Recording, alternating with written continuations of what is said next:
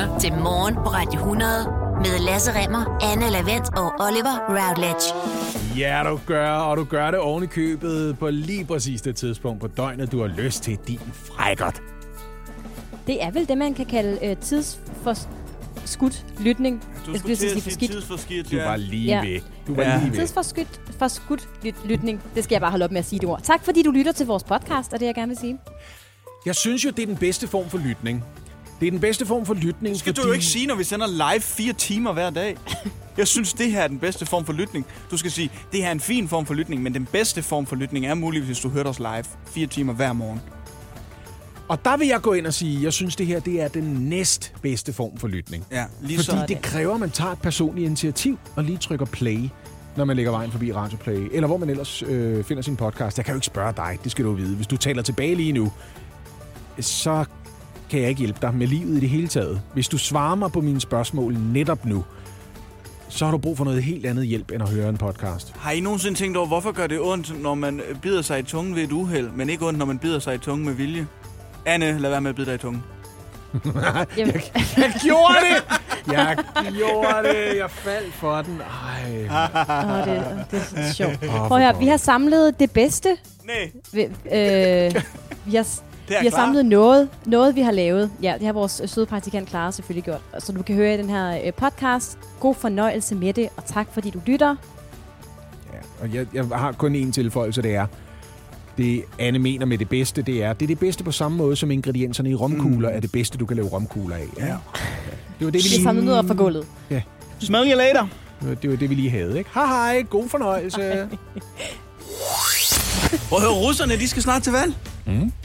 Lederen af KGB, Mr. Russia himself, Vladimir Putin, han er øh, ude at sige, at øh, Rusland holder en folkeafstemning den 1. juli. Okay, Skæbbeskyndt. øhm, hvad skal de tage stilling til?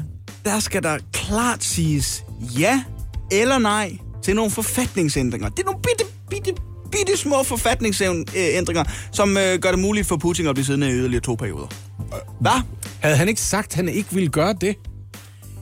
Jo, men så er det jo gået op for Putin, hvor meget han egentlig godt kan lide at være præsident. Havde han ikke lavet nærmest sådan en bytteaftale, som sagde, "Men så sætter jeg mig over, og så er jeg ministerpræsident i stedet for, eller sådan noget. Men så er det bare øh, ham, der bestemmer mest i stedet for. Ja, men sådan skal det ikke gå længere, fordi Putin han vil altså have den her folkeafstemning. Den skulle faktisk have været afholdt den 22. april. Det blev så udskudt øh, på grund af corona. Mm-hmm. Øh, de her øh, ændringer, som Putin ønsker, og som nu skal op til en folkeafstemning den 1. juni, der er det vigtigt at påpege. Altså, det russiske parlament, de har sagt, you go, you go girl til De synes, det er en fantastisk idé. De har accepteret det. Det samme har øh, forfatningsdomstolen. De har også godkendt det og sagt, yes, Mr. Putin, you got the, uh, a lot of years uh, in Russia. That does no problem. Og hvis nu de russiske vælgere, de stemmer ja til de her øh, ændringer, så vil det også gøre det muligt for øh, Putin at øh, genopstille til præsidentposten i 2024 og i 2030. Og fordi man har sådan en seksårsperiode i Rusland, så vil det betyde, at Mr. Putin, så han har mulighed for at blive siddende helt frem til 2036. Wow. Og han har i forvejen siddet i ret mange år, ikke? Hvornår blev han indsat? Jo, han blev indsat i 2000, så var det seks år derfra. Så tog han lige en periode som premierminister for så at kunne blive præsident igen. Ja, det er det, ikke? Okay, Så, ja. Og så er der jo øh, Putins kritikere. Hæ? Hvad? Ja, dem er der altså nogen af. Nå, men de er sjovt nok ikke helt øh, tilfredse med det her, som de kalder et forfatningskup. De Mm. synes, at han er ude på at lave et kup her, og det ved jeg ikke, hvor de kan, kan få det fra, den skøre, skøre idé. Ja, den, Og, øh, den pæne mand. ja, Ja, men han virker jo heller ikke som en fyr, som ville være hævet over at påvirke afstemningsresultaterne, hvis han havde muligheden for det, vel? det. Hvad biler du dig ind? Undskyld, undskyld, undskyld. Ja. Om- Det bliver da enormt spændende. Hvornår er det her øh, valg, siger du? 1. juni. 1. juli. 1. juli. Og altså, om det, om det lykkes Putin at gennemføre det her forfatningskup, det gør det. Det finder vi altså ud af øh, her den, øh, den 1. juli. Så, så der må vi bare øh, vente i spænding med at finde ud af, om, om det lykkes. Det gør det. Jamen altså, Altså, det, det afbalanceres jo lidt af USA, hvor en forfatningsændring for efterhånden en 60 år siden betød, at man kan ikke sidde mere end 8 år, uanset hvad. Og, og det var ikke, fordi de ikke var glade for Franklin Roosevelt, der sad i 12 år. Han blev valgt fire gange, mm. som den eneste præsident i USA's historie nogensinde. Men det var også sådan lidt efter det, man sagde. Ej, jeg tror, det vil være sundt for os alle sammen, hvis der kommer et nyt ansigt ind i det hvide hus en gang. Man. Det kunne være rigtig dejligt, faktisk. Sådan har de det bare ikke i Rusland. Og hvis de har, så bliver de tidet ihjel. Øh, og det, Ja. det er måske lidt det, der er problemet. Men øh, Putin, 2036, det lyder godt. Wow, Altså ikke overskud. 16 more years. 16 more years, ja. Det er et vanvittigt tal. Det er jo et vanvittigt tal, det skal vi være enige om. Det er for meget. I dag der er det en uge siden, at en brutal anholdelse kostede den 46-årige sorte amerikaner George Floyd livet. Det gjorde det efter Derek Chauvin, en hvid betjent, knælede på hans hals i ni lange minutter. Det skete i Minneapolis, Minnesota. Ja, det har ført til demonstrationer i flere og flere større amerikanske byer, men også butiksplyndringer og ildspåsættelser, ligesom præsident Trump faktisk i en periode i fredags blev isoleret i en sikkerhedsbunker under det hvide hus. Godmorgen, Mirko Reimer Elster. Godmorgen. Du er USA-analytiker, du skriver blandt andet for TV2. Det helt store spørgsmål efter denne her øh, uge, det er, hvad sker der i USA?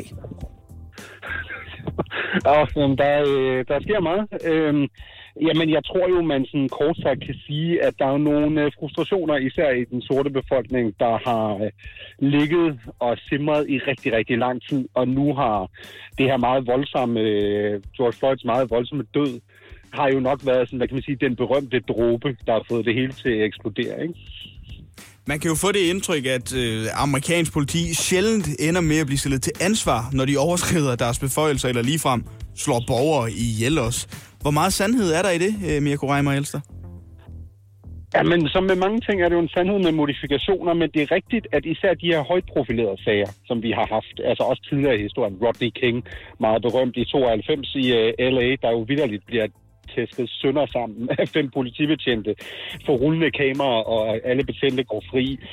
Trayvon Martin, som jo ikke har noget med politiet at gøre, Mike Brown osv. Men pointen er, at der falder lige præcis meget sjældent dom mod betjentene, og det giver jo lige præcis mange sorte amerikanere ligesom en bekræftelse af det, de ligesom føler lidt i forvejen, at de er andenrangsborgere i deres land stadigvæk så mange årtier efter, at man i bund og grund burde være stillet lige for loven.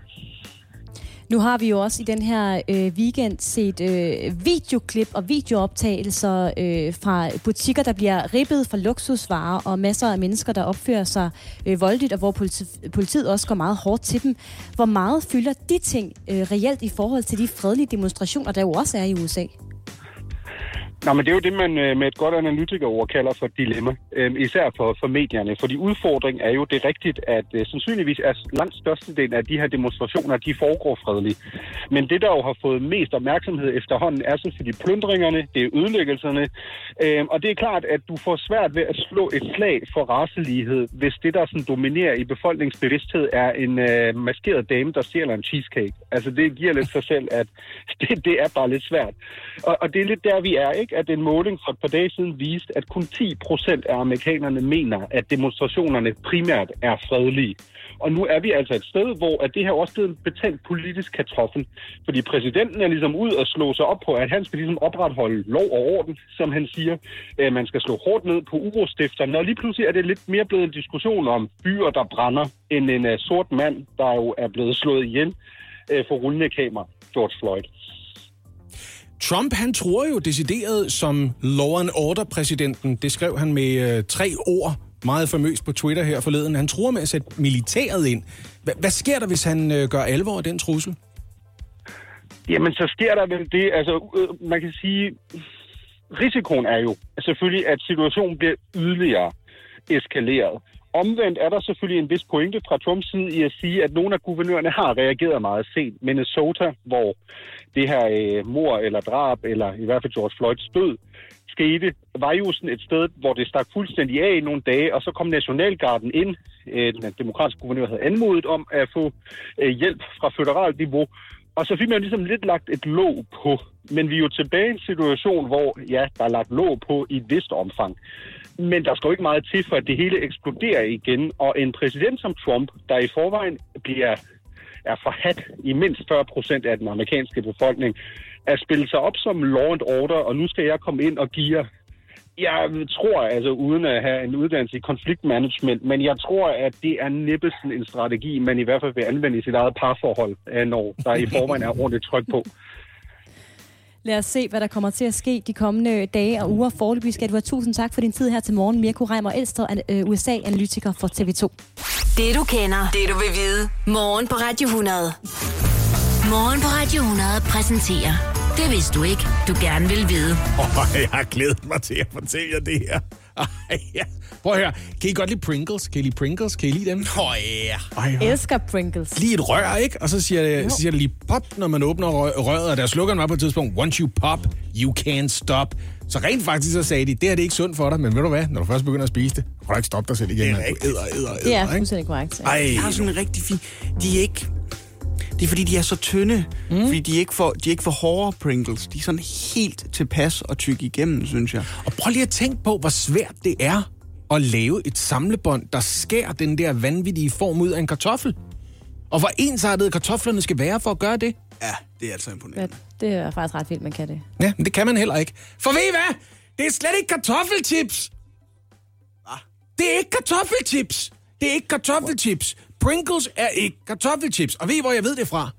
Nej. Fordi Procter Gamble, der ejer brandet Pringles, de har selv, de har selv været i retten i England for eksempel, for at argumentere for, det er faktisk slet ikke kartoffelchips, vi laver. Det er det ikke. Det er jo sådan noget, øh, altså vi bager dem jo.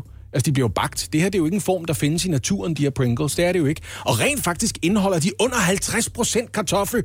Under 50%!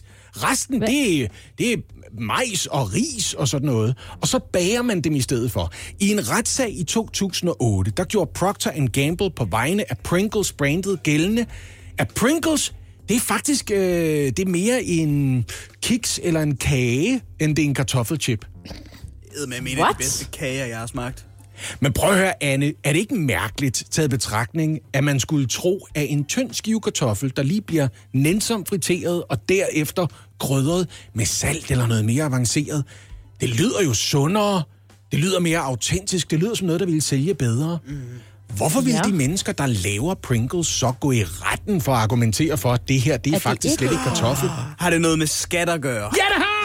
Tak skal du have! Ej, han er smart, Oliver. Han er ved at blive død. Han bliver så stor, Anne. Han bliver så stor, ja, vores Oliver. det går så hurtigt nu. Ja, det gør det. Prøv at høre, det har noget at gøre med, at i England, der er der ikke moms på de fleste fødevarer. Men blandt de fødevarer, som er undtaget, som man lægger moms på, er... Kartoffelchips. Lige præcis! Ja. Så Procter Gamble opdagede, at de kunne spare millioner af kroner ved selv at trække den britiske stat i retten og argumentere for, at Pringles, det er ikke kartoffelchips, det er mere en kiks eller en kage. Og er der moms på kiks og kage i England? No. Nej, der er ikke. Lige præcis. Så det er simpelthen de mennesker, der selv lever Pringles, der har altså lagt sig i selen og brugt en masse penge på advokater for at argumentere for, Pringles, det er ikke kartoffelchips. Og det var lige her, I hørte det.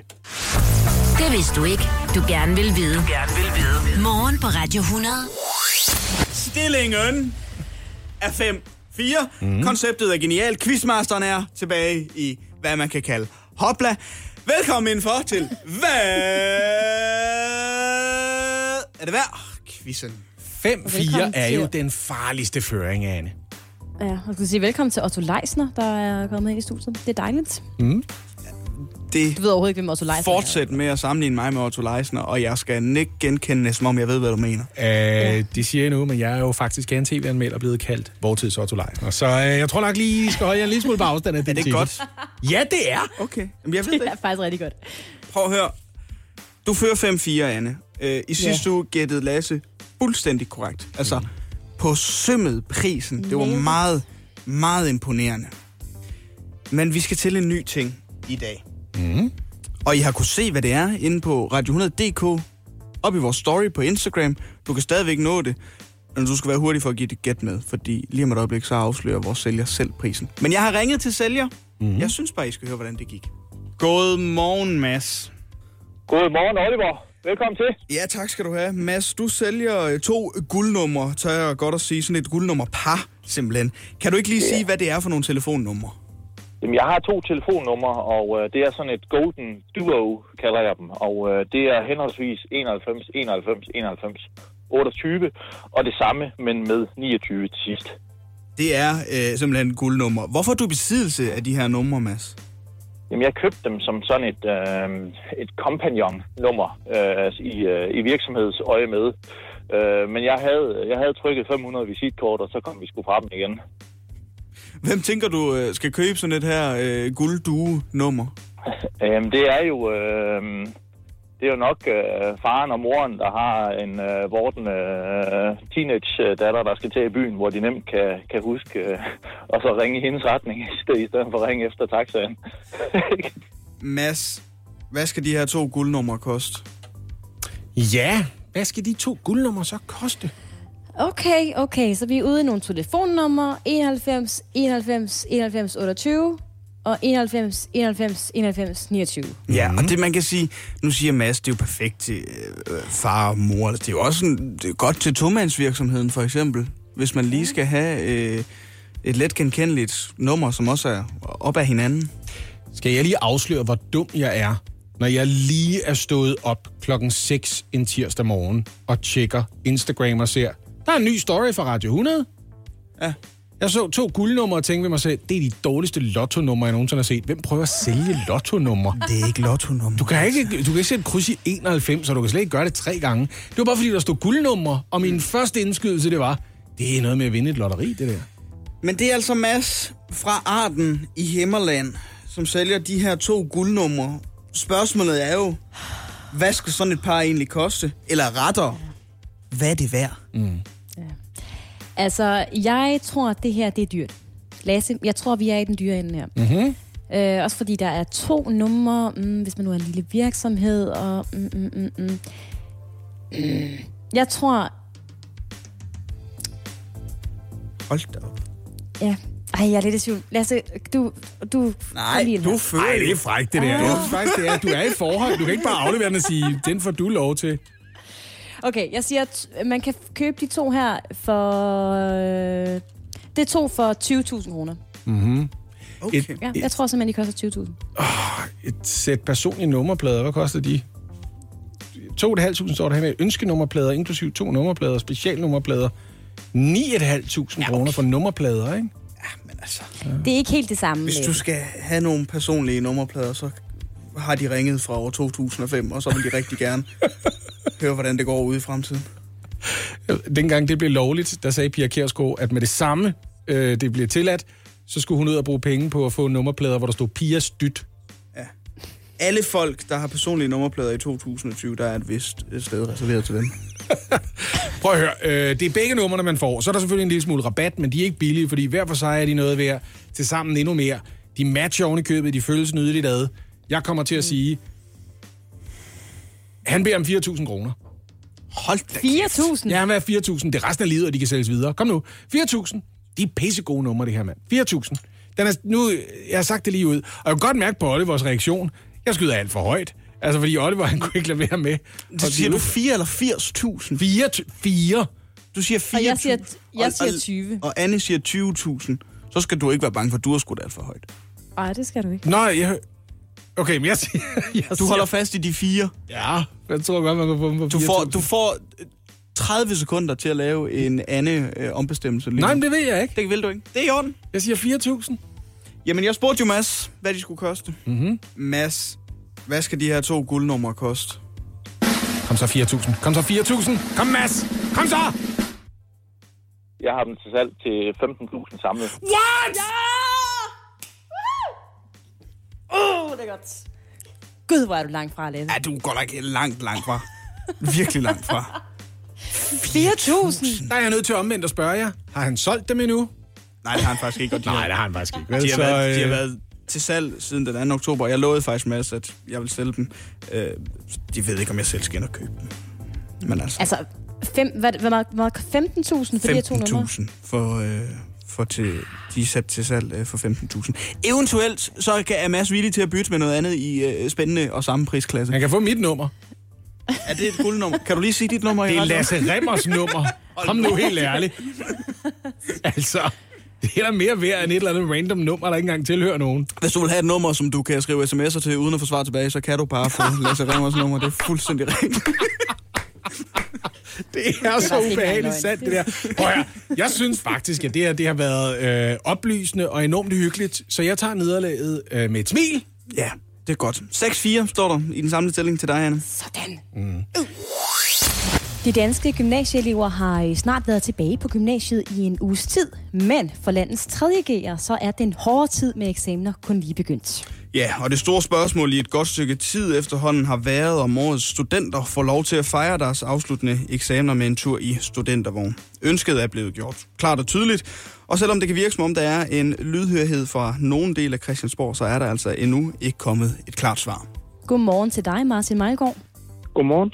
Du er formand for de danske gymnasieelevers øh, sammenslutning, og har selvfølgelig naturligvis været ude og lave noget larm for det her studenterkørsel. Og først og fremmest, hvorfor er det så vigtigt for jer, at årets studenter kommer ud og kører?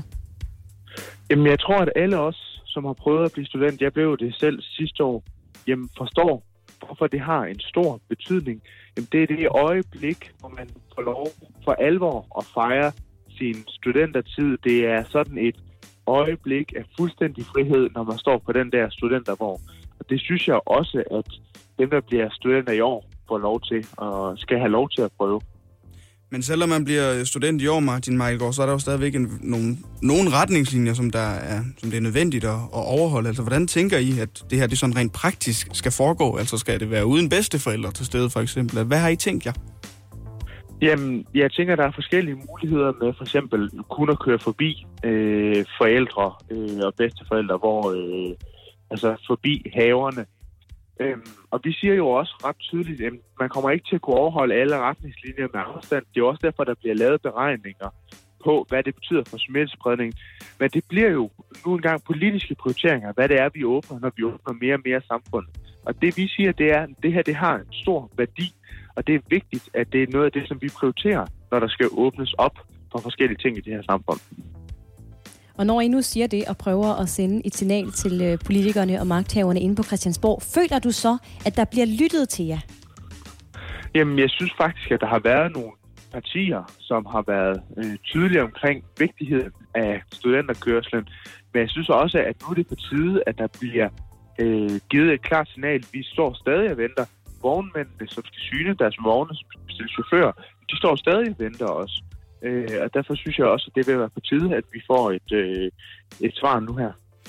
Og hvis vi så sådan rent hypotetisk set, øh, Martin Mejlgaard siger, at nu går Mette Frederiksen ud i dag, måske lidt inspireret af Josefine Fuck, og så siger hun, I må gerne komme rundt og køre studenterkørsel, det bliver bare uden alkohol. Er det så noget, du tror, de her øh, studenter i år, de er villige til? Det vil jeg synes var utrolig ærgerligt. Jeg synes, at, at en del af studenterkørslen er også, at man får lov at drikke alkohol for dem, som, som gør det. Og, øh, og det vil jeg meget gerne bevare på studenterkørslen. Og man kan sige, at alt lige, så sidder de der tredje jo oppe i skolen sammen allerede. En studenterkørsel vil jo være noget, hvor man sidder tæt i forvejen. Så spørgsmålet er, hvor stor en betydning har det i virkeligheden, at man øh, drikker alkohol også. Martin Mejlgaard, du er øh, formand for de danske gymnasieelevers øh, sammenslutning. Lad os se, hvad der sker. Forløbig tak for din tid her til morgen. Selv tak. Det du kender, det du vil vide. Morgen på Radio 100. Det var den 22. maj, Anne, at TV2 Lorry kunne fortælle, at forsyningsselskabet Hofor, Hofor og Novofos havde planer om at udlede godt og vel 300 millioner liter spildevand i Øresund. Ja, jeg kan godt huske det. Det var øh, noget, der tog øh, i hvert fald øh, København med storm lige pludselig. Alle talte om det den dag. Ja, og lige pludselig var der øh, altså demonstrationer omkring det, og jeg ved ikke hvad, folk var lige pludselig meget øh, oprørte over det her.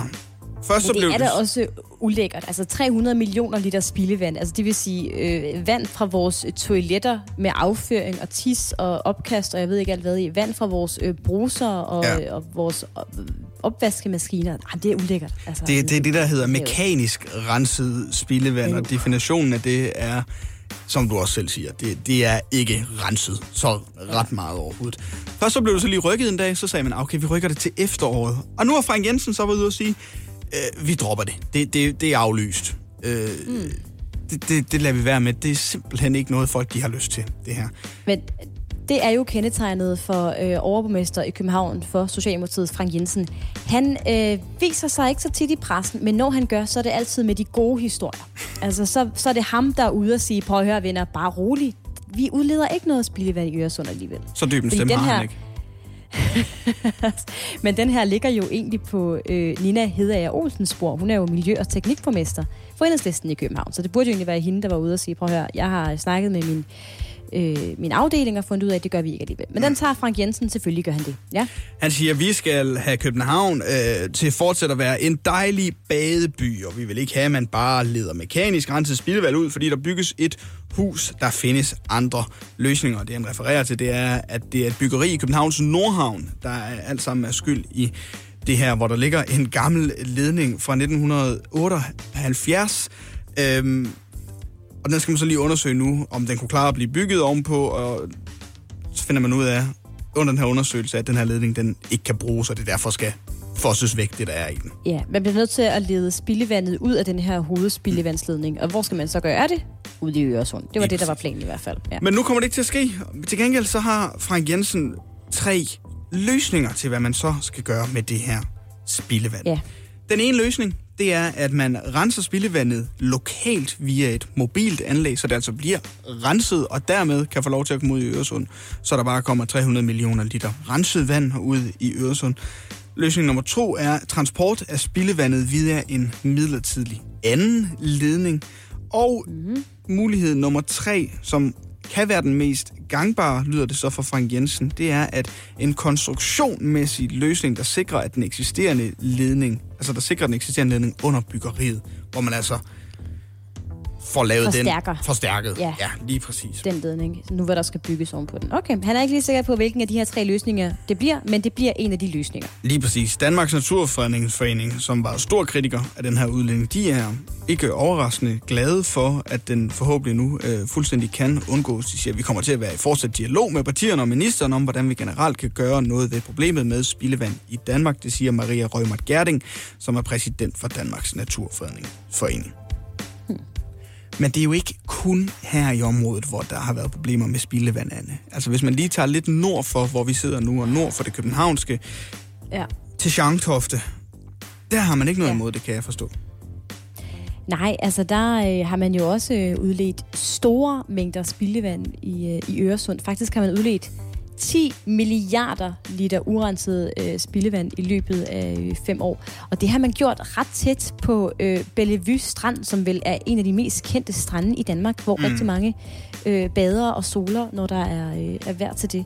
Så det er som om, at, at den her sag fra København har ligesom øh, startet øh, en opmærksomhed, eller i hvert fald fået opmærksomhed på, at det her det sker andre steder i landet også. Og jeg tror ikke bare, at det her det er et hovedstads- og omegnsproblem, Oliver. Jeg tror altså også, det her det sker i andre byer, altså i andre store byer, at man udleder spildevand. Mm. Og man måske lige nu gennemgår procedurerne for at finde ud af, hvad er egentlig tilladt, og hvad burde ikke være tilladt fremover.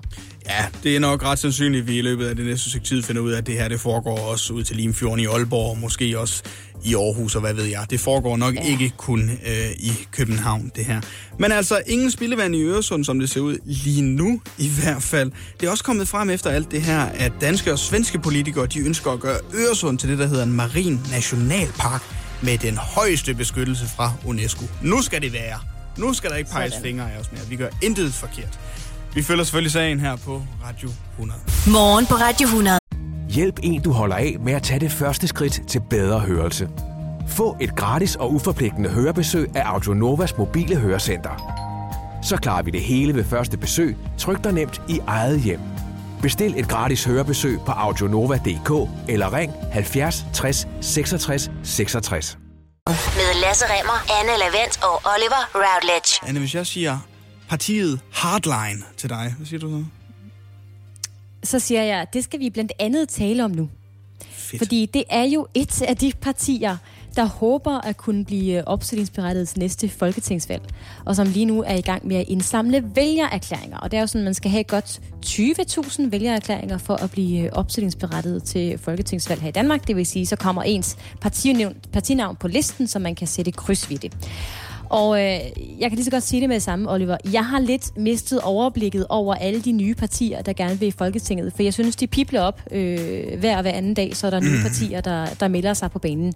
Øh, så øh, i går, da Indrigsministeriet kom med en opgørelse over, hvordan det går for de her nye partier med at samle de godt 20.000 vælgererklæringer, så sad jeg lige og kiggede lidt på det. Og jeg synes faktisk, det er ret interessant, fordi hvis jeg nu kigger på listen, øh, og kigger på det parti, der indtil videre har samlet flest vælgererklæringer, altså dermed tættest på at blive opstillingsberettet til næste folketingsvalg. Må jeg gætte her? Hvilket parti, ja, hvilket parti tror du, det er? Jeg tror, det er Veganerpartiet.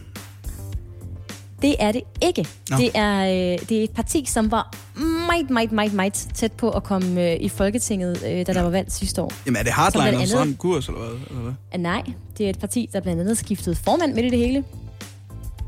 Liberale... Hvad? Ny alliance? Jeg forstår det ikke. Nej, kristendemokraterne. Nå, ja, de skift, skiftede de godt nok fuldstændig. Ja, det, det, Var han ikke ja, bare det, på det barsel, sige. Stig Grenov?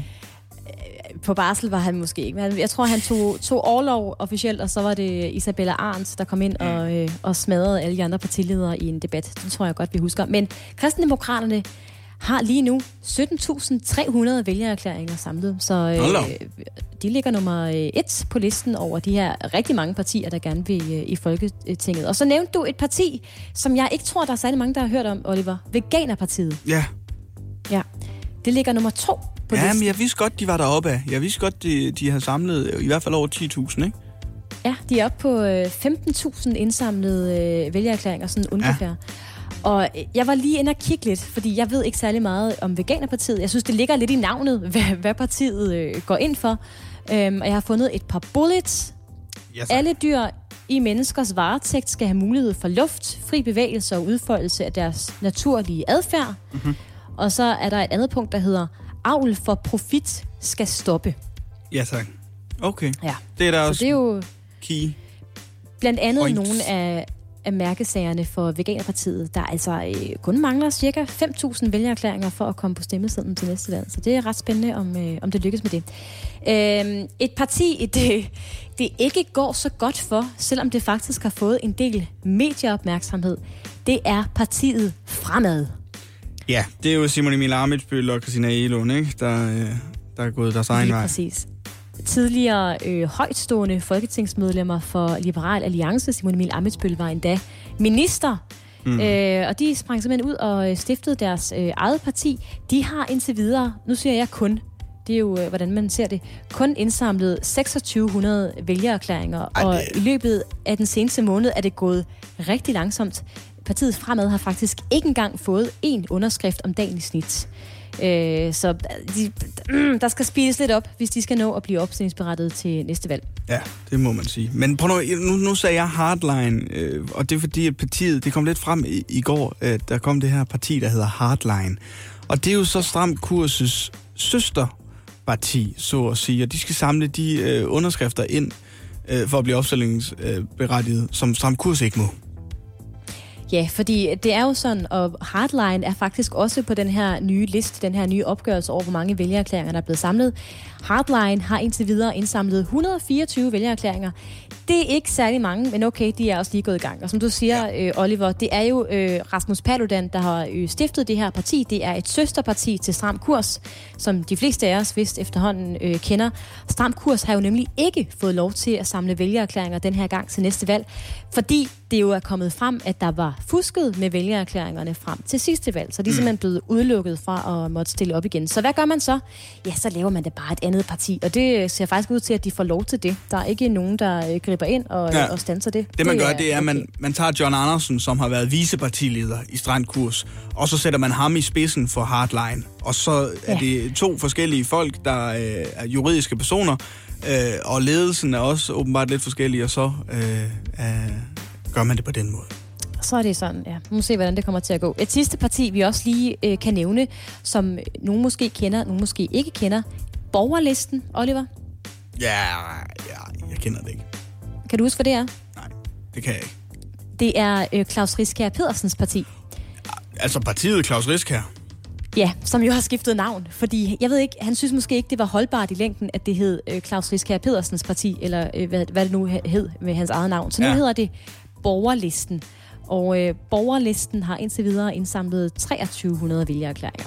Okay, så. Så, så fremad og borgerlisten skal til at få borgerne fremad, hvis de skal have undersk- få noget underskriftsindsamling.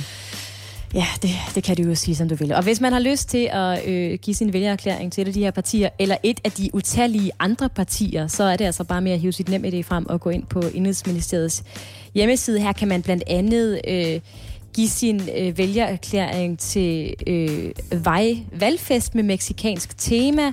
Havenæssepartiet er der noget, der hedder. Ja. Så er der noget, der hedder Børn- og Fædrepartiet. Aha. Så er der noget, der hedder øh, Respektspartiet. Så er der noget, der hedder Reelle Borgere. Bedre Danmark Affaldspartiet. Jamen, jeg kunne blive ved. Bayer, Bayer Memes 2 har indtil videre to vælgererklæringer. Der findes øh, et utal af partier, der prøver at øh, blive opstillingsberettet til næste valg. Indrigsministeriet, siger du, det er der, man kan gå ind og stemme på Bayer-partiet Memes. Bayer Memes-partiet. Der er også et parti, der hedder Fiskerlussing, som faktisk har øh, 1493 vælgererklæringer. Der kan man bare se, det lyder ret Ah. seriøst. Jamen god fornøjelse, hvis du vil ind og give din støtte til nogen af de partier, hvor er det godt, vi bor i et frit land, hvor man bare selv kan bestemme, om det er fiskelusing, der skal have en stemme eller ej. Hjælp en, du holder af med at tage det første skridt til bedre hørelse. Få et gratis og uforpligtende hørebesøg af Audionovas mobile hørecenter.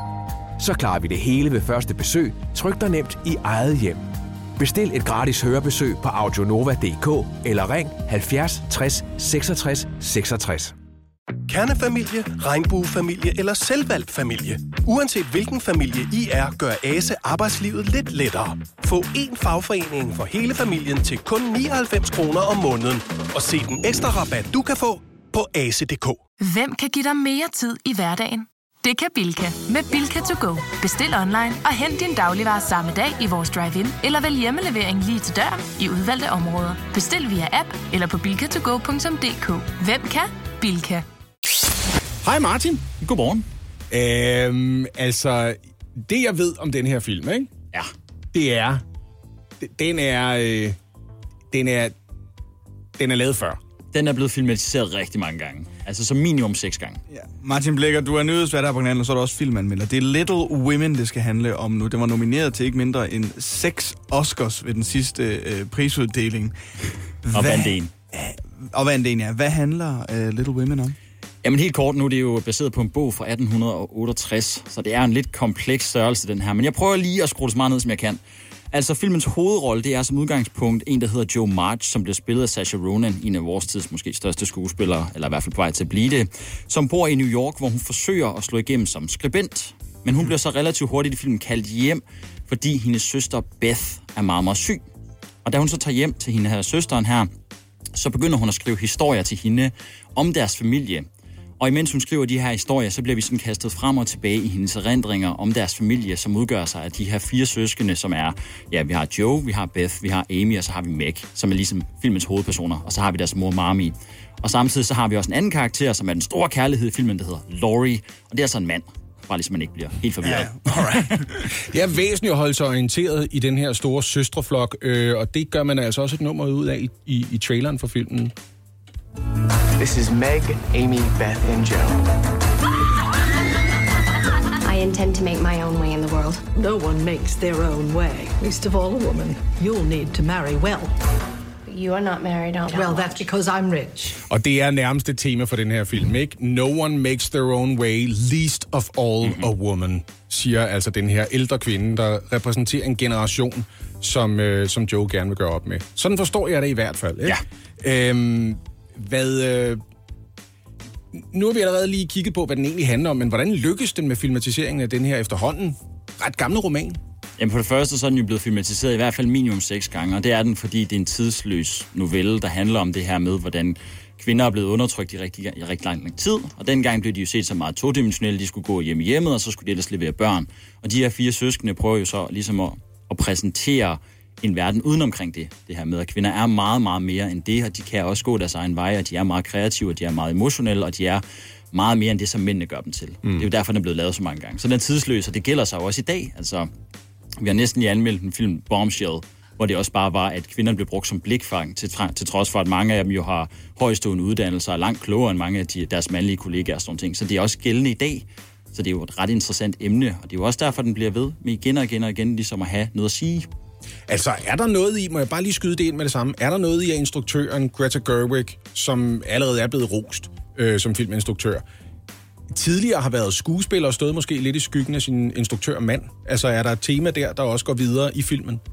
Ja, jeg vil i hvert fald sige, at hun har lært meget af Noah Baumbach et eller andet sted, fordi hun er allerede en dygtig øh, skuespiller, det har man fået slået fast før, men i og med, at hun også lavet en film, der hedder Lady Bird, der er det relativt klart, at hun er meget, meget, meget dygtig til at skrue en historie sammen. Og man kunne godt frygte, at sådan en film som den her, den vil bare ligge sig lidt op af de tidligere film, der er blevet lavet. Men når man går ind og ser den her film her, så vil man hurtigt lægge mærke til, at den måde, hun har skruet tilbageblikkende kontra den nutid, vi er i, op på, det gør hun ved at bruge farvefiltre. Og det gør, at man kan skifte meget hurtigere imellem de forskellige tidslinjer. Og det gør, at man får en meget mere glidende overgang i, forskel, i historien, og det fungerer sindssygt godt. Og så vil jeg sige så meget, når man går ind og ser den her film her, prøv at lægge mærke til starten, hvordan filmen den starter, og hvordan den slutter, og så husk på, hvem er det, der fortæller den her historie her. Mm. Fordi det er der, den træder sådan lidt ud og gør sig anderledes end mange andre film. Okay. Hvem skal se den her øh, film, Martin Blikker? Jamen for det første så vil jeg sige, hvis man øh, er en mor, og man har sin, øh, sin teenage-datter, så tag hende under armen, og så gå ind og se den sammen. Fordi den har nogle virkelig, virkelig fine budskaber, og den har nogle vigtige værdier at få frem. Men derudover, så tror jeg altså også, det er vigtigt, at man lige tager sin mand eller sin kæreste, eller ja, at hvis man er en fyr, så gå ind og se den her film her. Fordi det er en vigtig film, og den har nogle vigtige pointer. Derudover, så er den sindssygt godt skruet sammen, den er underholdende, det er godt skuespil, og jeg vil sige, at Greta Gerwig, hun er på vej til at blive en af vores tids bedste historiefortællere. Det tør jeg godt sige. Jamen, så er der jo kun et væsentligt spørgsmål tilbage herfra. Du, du taler den godt op, synes jeg, Martin Blikker. 1 til 6 er vores skala for hens, med hensyn til stjerner af film. Hvor øh, lander vi hen? Jamen, vi er i den høje ende. Vi ligger helt op på 5 ud af 6 stjerner. Wow! Der er op. Wow, hold da op. Puh! Nå, men det vil jeg godt fortolke som en klar anbefaling af Little Women fra vores nyhedsvært, og lige i den her situation også filmanmelder Martin Blikker. Tusind tak skal du have. Det er mig, der siger tak. Ja, den skal jeg ind og se. Ja, det kan jeg forstå på dig. Jeg har det to, vil jeg også to teenage-døtre, så jeg har to påskud. Jeg vil, også, jeg vil også se den uden dem. Det vil jeg gerne indrømme. Om to år, så er der vinter-OL igen. Vi står i den øh, fremragende situation, at der får, vi får OL to år i træk, fordi det er blevet udskudt. Så vi får OL, sommer-OL i 2021, så får vi vinter-OL i 2022. Det er fordi, vi har sparet op. Det vi har sparet op, ja. Vi har noget at glæde sig til, og glæde, det er halvdelen af det. Mm. Og øhm, her er der så et hold og et land, som i den grad har et ønske om at deltage. Some people say, you know, them can't believe. Jamaica, we have a bobsled team. We have Yes. one Derry Yeah. and one Junior. You Noget tyder på, at øh, vi kan blive vidne til Cool Runnings igen, fordi Shanwayne Stevens og Nemery Turgott er navnet på øh, Jamaicas bobsled håb. Og øh, de er så i øjeblikket isoleret i ja, knap så eksotiske omgivelser. De er isoleret i Peterborough i England, og det er sgu ikke så lækkert. Øh, men fordi de er fanget i England, så har de så også været nødt til at, at tænke lidt ud af boksen i forhold til deres træning. Og det er her, øh, at min sammenligning med øh, det lidt useriøse, grinagtige Cool Runnings kommer, fordi deres træning består i at skubbe en bil rundt på en parkeringsplads for at simulere følelsen af at skubbe en bobsled i gang. Hvor er det dejligt. Hvor er det dejligt. Altså, de skal jo stadigvæk træne lårene og sådan noget, ikke? Og det er jo, altså, det kan da sagtens fungere. Ja. Prøv at høre, hvem kan I huske for alvor, når det handler om OL? Hvad er det for nogle atleter, man kan huske? Det er lige præcis de mennesker, der deltager under overskriften. Det her, det er, det er for alle. Det handler om at være med for pokker. Ja, det er det og man hæpper så meget på dem. Ja, og det er uanset om det er Eddie the Eagle, der insisterer på, at han skal deltage i skihop, eller om det er ålen Erik, Erik Musambani. Det var det, han hed, ham svømmeren der. Ja, kan du huske det fra Ekvatorialknæ? godt huske. Ja, han havde, han havde aldrig svømmet et 50 meter bassin før. Han har aldrig svømmet Nej. ved OL-mål. Han har svømmet i sådan en øh, hotelpool, der var 12 meter lang, eller sådan noget. Og det gik så langsomt, og man hæppede så meget på ham. Ej, det var fantastiske billeder. Nå, han, øh, normalt så har vi mulighed for at træne med en bobsled, men det kan vi ikke i øjeblikket. Derfor tænkte vi, hvorfor ikke bare skubbe bilen lidt rundt i stedet? Det fortæller altså Sean Wayne øh, Stevens, en af de her håb fra øh, Jamaica. I første omgang så er målet for den her jamaikanske duo, at de kan deltage ved VM næste år, men altså OL om to år, det er deres helt, helt store drøm. I øjeblikket der er det en ret lille bil, de skubber rundt, så jeg ved ikke, hvor de skal op og have gang i en Range Rover eller et eller andet, for at det virkelig batter noget. Men øh, jeg synes, det er fantastisk. Ved du hvad, jeg ved allerede nu, at det er den eneste disciplin, jeg er nødt til at sørge for at huske at se. Ja, til OL. Bobsled, og jeg skal se de indledende runder. Og jeg skal se Jamaica. Åh, oh, ja, selvfølgelig. Hej, det kom jeg helt godt humør af. Tak skal du have. Det du kender, det du vil vide. Morgen på Radio 100. Nogen, der også bare gerne vil have lidt fun. Det er årets studenter. Og det ser ud til, at de får det. Fordi i går, der kom der jo en øh, breaking nyhed sidst på eftermiddagen. Jeg tror, den var omkring uh, kvarter i 6 at regeringen og et flertal i Folketinget havde besluttet, at studenterkørsel alligevel bliver tilladt i år. Det var øh, ellers noget, der var til diskussion på grund af den her coronakrise, vi har haft, og alkohol og øh, dans og mange mennesker samlet på et sted. Det er umiddelbart ikke godt i forhold til at holde smittetrykket nede. Men det bliver altså alligevel tilladt nu, øh, kom der en meddelelse om i går. Og jeg ved ikke, om det er fordi vores øh, børne- og undervisningsminister Pernille rosenkrantz teil eller måske statsministeren lyttede til morgen på Radio 100 i går morges, hvor vi jo talte med Martin Meilgaard fra Danske Gymnasieelevers eh, Sammenslutning. Og ham talte vi jo med, fordi han på årets studenters vegne var ved at blive en smule utålmodig, fordi nu er vi jo i juni måned. De første studenter er ved at springe ud. Lad os lige få en afklaring, venner, lød det altså fra ham i går morges. Og det fik vi så senere på dagen. Øhm, men, fordi der er jo selvfølgelig et lille, øh, lille men. Der er en række sundhedsmæssige retningslinjer, der skal overholdes, men Folketingets partier skal lige aftale dem nærmere, så man ved altså ikke, om der bliver nogle små mænder i forhold til studenterkørsel, som vi kender det. Øh, dog har ministeriet allerede nu stået fast, at alt uddannelsesafslutning kommer til at foregå klassevist, altså det vil sige også dimissionsfesterne. Øh, de glade studenter må ikke blande sig med andre end deres egen klasse. Det kommer mm. altså til at foregå klassevist, hvilket jo måske er forståeligt nok. Ja, ja, hvis de overholder det, vil jeg mærke, ikke? Men lad os nu se.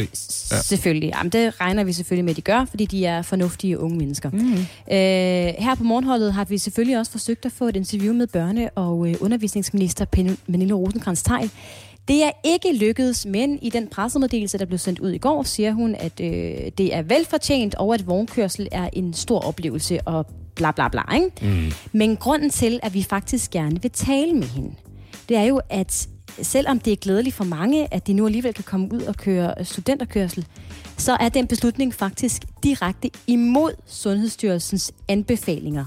Sundhedsstyrelsen anbefalede nemlig den omvendte model, så at sige, altså at man skulle droppe studenterkørsel og sige, next picks, det bliver ikke til noget i år, men så til gengæld afholde dimissionsfesterne sådan næsten som man plejer at gøre normalt. Så den, den model har politikerne altså vendt om. De har tilladt studenterkørsel, men ikke dimissionsfester, som vi kender dem. Det har måske noget at gøre med den der smittekædesnak. Hvis du kører i en lastbil, fra hus til hus, så er du en mm. smittekæde. Holder du en fest, så er det en begrænset antal mennesker, som ikke er ude og starte nye smittekæder rundt omkring. Det kan da godt se pointen med. Men skal man ikke bare lave nogle forholdsregler så? Skal man ikke bare så sige, okay, øh, hvis forbipasserende trafikanter dytter for eksempel, så bliver der kun flashet en brystvorte per student for eksempel. Ikke? Sådan nogle ting. Bare lige nogle begrænsninger. Er, er du typen, der dytter efter studentervogn, Lasse? Prøv at høre. Øh, jeg falder ikke for den længere. Det gør jeg ikke. Jeg har dyttet så meget og set nul bryster. Så den kommer jeg simpelthen ikke til at Bryster? Skal de ikke bare skåle?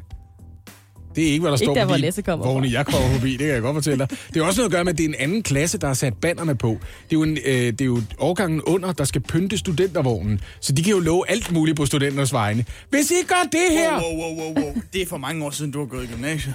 Er der ikke nogen, der flasher længere? Vi lavede da selv vores banner i hvert fald, kan What? jeg huske, for vores egen Det, det gjorde vi også. Det var en anden tid dengang. Ja, altså. det, var det, var det, det, altså. det satte vi nogle andre til. Det gjorde vi da. Men de gjorde så også det til gengæld, at de lovede alt muligt. Det var nærmest sådan noget, du ved. Hey, altså, du får en hånder, hvis du kører hurtigt forbi.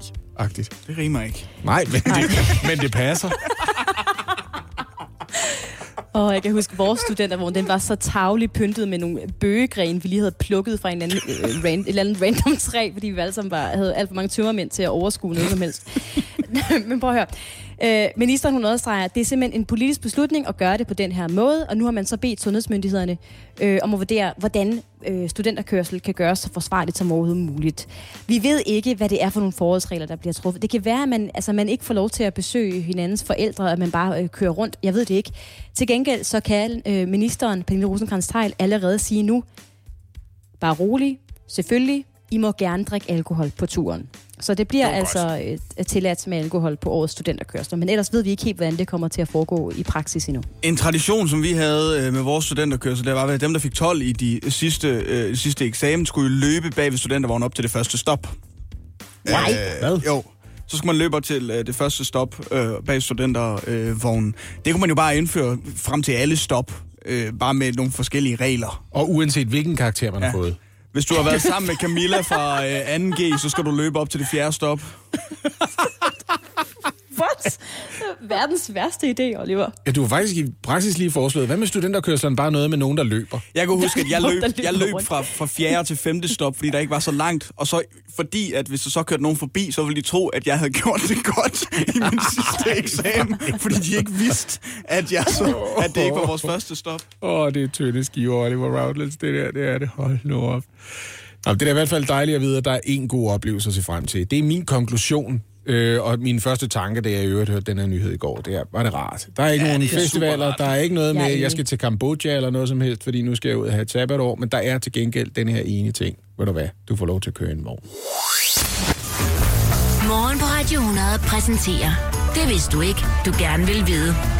Måske I allerede har hørt om, hvordan Kellogg's Cornflakes er udviklet øh, af en mand, der var så bekymret for, at øh, folk skulle være for begejstrede for at, at, at, at kærtegne sig selv seksuelt. Det kan jeg godt huske. Øh, han besluttede sig for at lave cornflakes. Ja. Så sagde han, han mente, at cornflakes ville få for eksempel en rask ungersvend på 24 til at holde op med at hive sig i fjederen. Det er også rigtigt. Har, har, har, har du fortalt det her før? For det vidste jeg overhovedet ikke. Jo, det vidste jeg godt.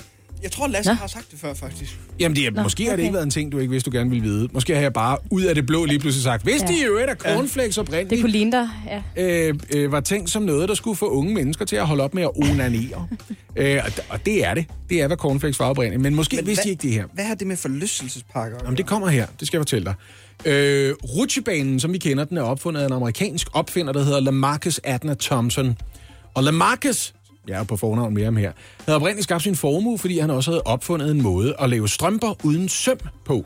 Ja, sådan en slags øh, forløber til nylonstrømpen. Han tjente rigtig mange penge på det, men hans helbred forhindrede ham i at arbejde videre i tekstilbranchen. Og så fandt han ud af, at man måske kunne bruge tyngdekraften til at lave nogle skæggeforlystelser, hvor man kører i en vogn på nogle skinner nedad, og så kilder det lidt i maven. Og grunden til, at han gjorde det, det var, han mente, at den amerikanske befolkning havde brug for et forlystelsesmæssigt ædrueligt alternativ for gudsfrygtige mennesker, så de ikke i stedet for frekventerede værtshuse og bordeller. Nå. Ja! I hørte rigtigt. Oprindeligt var ideen med rutsjebanen, at du skulle vælge en måde at bruge din søndag eftermiddag på, som ikke ville give dig hverken tømmermænd eller syfilis. Og det kommer jo an på, hvordan du bruger rutsjebanen, kan man sige, ikke? Øhm, Jo. Men den allerførste rutsjebane, øh, den fik han så øh, åbnet tilbage i slutningen af 1880'erne. Han havde fået patent på den øh, lige under jul 1984, The Gravity Switchback Railway. Og den byggede han ret mange af. Oprindeligt der blev de bare kaldt for sådan nogle udsigtsjernbaner, og mange af dem er i virkeligheden bare sådan en tur rundt på spor, som man kender det, stadigvæk for den sags skyld, fra Legoland, de hvor du kan køre, forlystelser. ja, lige præcis, Ja, ja, ja, ja, hvor du kører rundt i en veteranvogn, og så ser du en øh, øh, En zebra. Ja, flodhest lavet i Duplo, eller sådan noget. Ikke? Øh, de var enormt populære en overgang. Men altså, den der ting med at blive trukket op på toppen af et spor, og så køre hurtigt ned, så det kilder lidt i maven. Det er jo ideen meget, hvis det kilder i maven, så kilder det ikke andre steder. Hvad? Hvad? Men, men, men jeg har jo en følelse af, når jeg nogle gange kører stærkt ned ad bakke i en rutsjebane, at det kilder i maven, men det kilder også i den nederste region. Af, altså, jeg føler jo, det kilder i tissemanden nogle gange, når man kører på rutsjebane. Så er det ja, sagt. det kan godt være, at det ikke gjorde det på Lamarcus, og han tænkte, så gør det det heller ikke på andre. Det kan godt være. Øh, Øh, det der med, altså, når, et frit fald, for eksempel. Der, den, ui, uh, Jeg tror, at jeg kommer til at klippe det her ud af dagens program og bruge det som en ringetone. Oliver Routledge, der siger, når jeg kører en rutsjebane, så kilder det i tissemanden. Øh, det tror jeg, jeg får brug for. Øh, ja. Fordi hvis vi bare havde vidst det her, så er der jo rigtig mange mennesker, der er stærkt religiøse, der tidligt ville have gennemskuddet. Hvis jeg skal have mine børn til at gemme sig selv til ægteskabet, så skal de have et turpas. Ja, Ja, det er rigtigt. det er sådan, det skal foregå. Så når man tager i Tivoli eller får på sommerland, så er det med Guds benådelse, rent faktisk. Mm, må, jeg, øh, må jeg spørge forsigtigt her, Anne? Har jeg ramt plet? Var det her noget, du ikke vidste, du gerne ville vide? At rutsjebanen blev opfundet af en mand, der ville skabe et alternativ til bordeller og værtshuse? Ja, det, du har ramt fuldstændig plet. Jeg kan mærke, det, den kommer jeg til at tænke over de kommende dage. Det vidste jeg ikke, jeg gerne ville vide det her. Må jeg lige spørge, Anne, har jeg ramt plet, når jeg siger til dig, at det kilder lidt i tissemanden, når jeg kører ned ad bakke på en rutsjebane? Er det noget, du ikke vidste, du gerne vil vide? Uh, det, det vil jeg ikke vide. Nå. Lad mig sige det. Lad mig, lad mig Jamen, jeg prøver en ny okay. igen på mandag, så. ja. Ja, men på mandag, der kan du høre om en ny ting, der får det til at kilde lidt i Olivers tidsmand. Så det viser sig at være en strussefjer. Åh, oh, lad os komme ud af det her. Ja. Det vidste du ikke, du gerne vil vide. Du gerne vil vide. Morgen på Radio 100. Det du kender, det du vil vide. Morgen på Radio 100.